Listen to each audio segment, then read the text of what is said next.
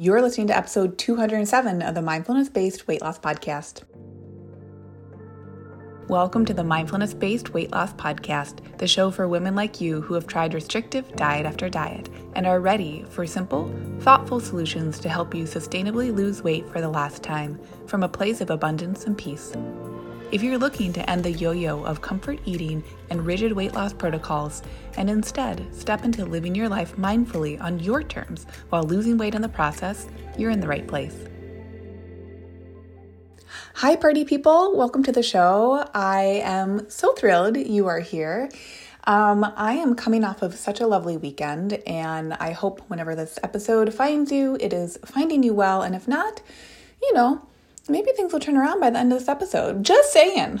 Not putting any expectations out there, but as you'll find out from the subject of today's episode, we've got some talking to do when it comes to feelings and emotions. But my weekend was so lovely. I signed myself up for it was basically like a per- birthday present to myself. I signed myself up for a floral watercolor ink and floral arranging workshop. It was all day Saturday, and it was at a local iris farm just outside of Portland, Oregon. And it was hosted by these two incredible artists that are so lovely and warm and welcoming and just such amazing craftspeople. Oh my gosh, the talent was out of this world. Um, and it really filled my cup, and I just felt so refreshed. So I wanted to share that with you because I feel like I'm able to choose more and more activities that are outside of the house and it's still within the way that I choose to be in the world right now.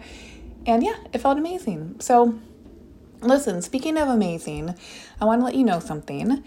You are in charge of your emotions relating to weight loss. And that's what today's episode is going to be about, okay? So, just like you're in charge of the emotions you have around the scale or around processed foods, around kale, around certain dietary structures, around your shoe size, you are in charge of all of those emotions.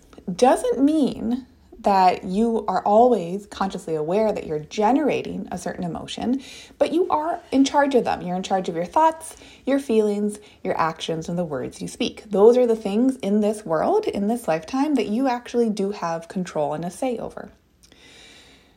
Saying that, you also might have, and let me just say you do have, you will have, because we all do, you may have an unintentional default thought or feeling about anything. In our lives, we're navigating the world in conscious ways, ways that we understand about how we're navigating our, our worlds. And we also have a lot of unconscious ways that we are always engaging with our worlds. If you think about our worlds, they are always triggering us. And I don't mean trigger in the clinical or the colloquial sense, I truly just mean like being in literally different rooms in your house, they trigger different sets of actions. Going on a walk with your dog and the dog pulls on a leash will trigger a different action than when your dog is walking with a loose leash. You know what I mean? Being around someone who's in a different mood will trigger us to act in a certain way than the next time when we see them and they're in, they're in a different mood. So, a lot of the ways that we're navigating our worlds come from these unintentional default, also meaning habituated thoughts that then generate unintentional default feelings. Because if you're new here, our thoughts in general influence our feelings. Our feelings influence the actions that we take, that we are triggered to do, positive or negative or neutral. And then the results, the things that happen because of those actions, really actually reinforce those thoughts, those initial thoughts. It's like a really beautiful cycle. It just cycles through all day, day in, day out. So you won't really move to any other different thought or feeling until you choose to investigate what's under the hood with intention. Okay?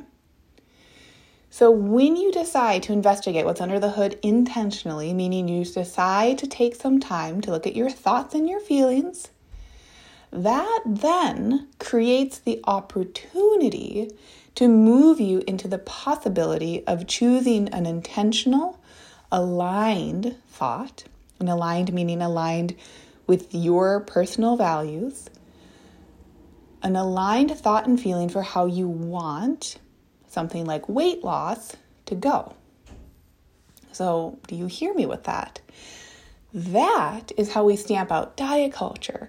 And not many people are talking about this. It really is so much less about avoiding scales. Um, I feel like the term food freedom is thrown around a lot. If we're always just avoiding certain things and trying to almost create, create this new control around our environments, all of that control is likely coming from supposedly uncomfortable emotions that are ruling your life because you're having to now avoid situations to avoid the feeling. To me, that is not liberating. Like when I see the trend, and listen, I, I when I speak, I it's a podcast, right? I'm trying to make it concise. So I try to do my due diligence by saying not everything is going to apply to everyone, but as an example, when there's that general feedback of like if you, you know, if you if your scale weight is triggering for you, step onto the scale backwards, tell your doctor, don't weigh me unless it's for a medically necessary reason. I think that maybe is a liberation for some people. But I think for the majority of people, what is actually much more liberating is taking one step prior and understanding what is it about the scale number that triggers me? What are the thoughts, beliefs, and feelings that I experience thinking about the scale, not thinking about the scale, deciding to step onto the scale, choosing to not step on the like all around those subjects? That is the liberation.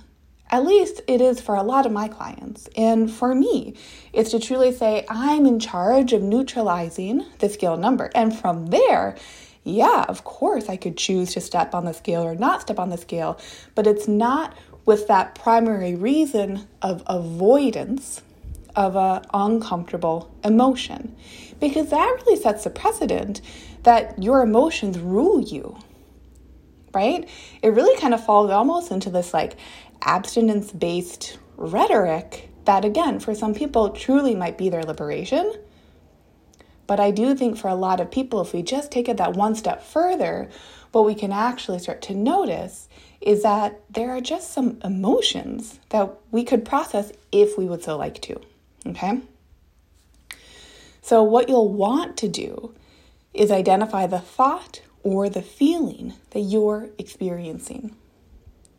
And this is a foundational aspect of the work my clients do in Lean and Liberated. So, of course, there's some really basic neutral information about how foods work in the body, how to generally consider building a plate, and how to make a simple meal decision one meal at a time. But all of those like tangible actions they actually set the stage so that you can clearly begin to feel your feelings, one feeling at a time, in order to discover what each feeling feels like when you feel it all the way through. Because, and this part is really important, many of us only partially feel our feelings. And so then we start to habituate the feeling and we conflate a half felt feeling with the fully felt feeling, when in actuality, most of us are only actually fully halfway feeling a feeling. And that's what we start to assume fully feeling the feeling feels like, but that actually isn't it. and here's what becomes so fun. I mean, like, this kind of blew my mind when I first realized it. As you're processing your feelings, meaning you're feeling your feelings all the way through, you open the playing field for more intentional feelings to choose from. Let me say that again. As you're processing your feelings, those default unintentional feelings that feel like they just have to happen, you then open the playing field up for more intentional feelings to choose from. Like, did you know that you can choose how you feel? The difference between choosing how you feel in a supportive way and choosing how you feel in a not so supportive way is that when you choose intentionally a feeling to feel, that is coming on the foundation of it not trying to replace a different emotion. Meaning you've already processed those old default, less than intentional feelings. So, why this is so mind blowing is that this then means that weight loss can feel however you want it to feel. Do you want it to feel easy? Done. Do you want it to feel simple? Done. Do you want it to feel playful? Done. It is weight lost your way because you are in charge of your emotions relating to weight loss. Like I said in the beginning of the episode, just like you're in charge of the emotions you have about the scale. And now, this doesn't mean that to get from point A all the way to point B, it doesn't mean that you just decide you're going to say something to yourself or you're going to choose to feel a certain way and that that is going to do all of the emotional processing for you. The processing still has to come first.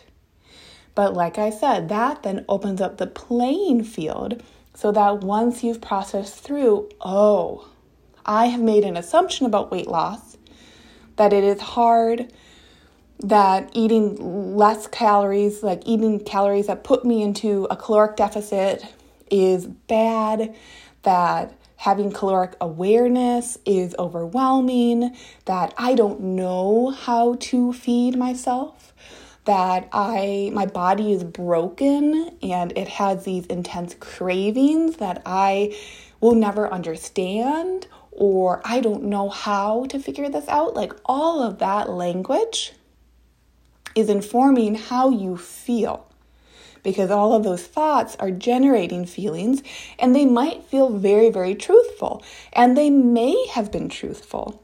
But the fact of the matter is, once you start to identify that your thoughts are stories created in your brain, trying to keep you safe because I fully believe, and I see it time and time again, our brains actually work in their own emotional logic. So even though it might feel illogical to be like doing something different than what you said you do for yourself, there's some sort of logic. And that's what we do in the coaching in Lean and Liberated is that we say every brain is beautiful. Every nervous system is spot on. We love them for what they've been doing. Let's now listen to them. Let's hear what they have to say. Let's honor and respect how you have been feeling, the stories you have been hearing in your head that have been generating just how you're navigating your days. And once we start to neutralize all of that, then you're building that ownership of saying, even if a task like weight loss, went one way in the past, I now know that I can choose for how it will feel this time. Why? Because I've processed the old emotions. I feel safe understanding and allowing them to be in the past. They are not a bother if and when they crop up at any certain time because my brain is just a brain. Of course, it'll throw me an old thought now and then. they do that. It's like a dog remembering an old trick it does. Why would we like diss a dog for doing that trick when we're telling it to do a different trick? It's literally just habituated. it just did the trick because it was like, I, I know something around tricks. Here's this one that you're not asking for, but it's a trick. I will do it. All we're doing is saying, cool, no problem. Absolutely no problem that my brain has offered me this old thought because I've processed all the emotions and I know the less I focus on that, the less of a problem I truly feel it is, the more I focus on generating what I do want. And that's also why my clients do core value work in Lean and Liberated, so that you can really start to hone in on what is it that I value. Like instead of saying, I don't want this, I don't want that, it can't be this way, it can't be that way, great. That's a very negative narrative, like literally, right? Can't, not, shouldn't, all the like literal negative words. What happens when we shift it and we say, okay, you don't have to worry about what you don't want. Tell us what you do want. How is it that you want things to go? Why is that? Why does that align for you? What is it that you value in that? That is such a powerful and pivotal point in anyone's journey towards anything. And of course, here we focus on weight loss, but it truly becomes so much more than just the weight. That's a really common experience for a lot of my clients too, is that it's like, oh, the weight loss starts to just be the thing on the back burner. Because now they're not trying to put the batteries in backwards by only focusing on what actions they're taking. They actually put the batteries in the right way by focusing on, well, what is it that I believe and how does that make me feel? Because as soon as that is understood, then it's going to be much more streamlined to shift into the actions and habits that actually support how you want to be feeling, what you desire for yourself. So, you are, in fact, in charge of your emotions relating to weight loss. You can decide this week how would I value weight loss to go for myself this time around? If I could choose one word to describe it, what would it be? It Doesn't have to just be the easy, the simple, the playful. Maybe it's curious. Maybe it's intentional. You know probably way more words than I do. You decide for yourself how you want weight loss to be, and then you've given your brain a task that it can work towards. Because when you become specific, your brain can go to work for you instead of indulging in confusion or indulging in saying, I don't know, right? And then focusing on a distraction or something that keeps you away from actually showing up to deciding, well, what is it that I do know? So, listen, if you've been looking for support for weight loss, you are a woman and you have 10 or more pounds that you'd like to lose, definitely reach out to me. And if you're ready to do that with basic nutrition information, nothing's going to be total rocket science, although I do think it's good information because I'm a nutrition nerd. If you're just ready for like understand the basics and then have the container to do your emotional processing with me when we start out because we start out privately and then later on you onboard to as much group coaching as you need for your weight loss your way definitely reach out to me so we can have a conversation and see if it's a great fit. So, have such a lovely week. I hope this episode has found you so well, and I will see you on next week's episode. Bye! Hey, if you love today's show, I'd love for you to take a minute and give a rating with a review. If you too are ready for more women to make life choices from loving mindfulness, that means we need more women listening to this message so they know it's available to them and they can do it too. And if you're ready yourself, come join Lean and Liberated, where we'll work together and you'll learn how to take this process to the next level in your weight loss goals, life desires, and beyond. Go to luciahawley.com, that's L U C I A H A W L E Y.com to connect.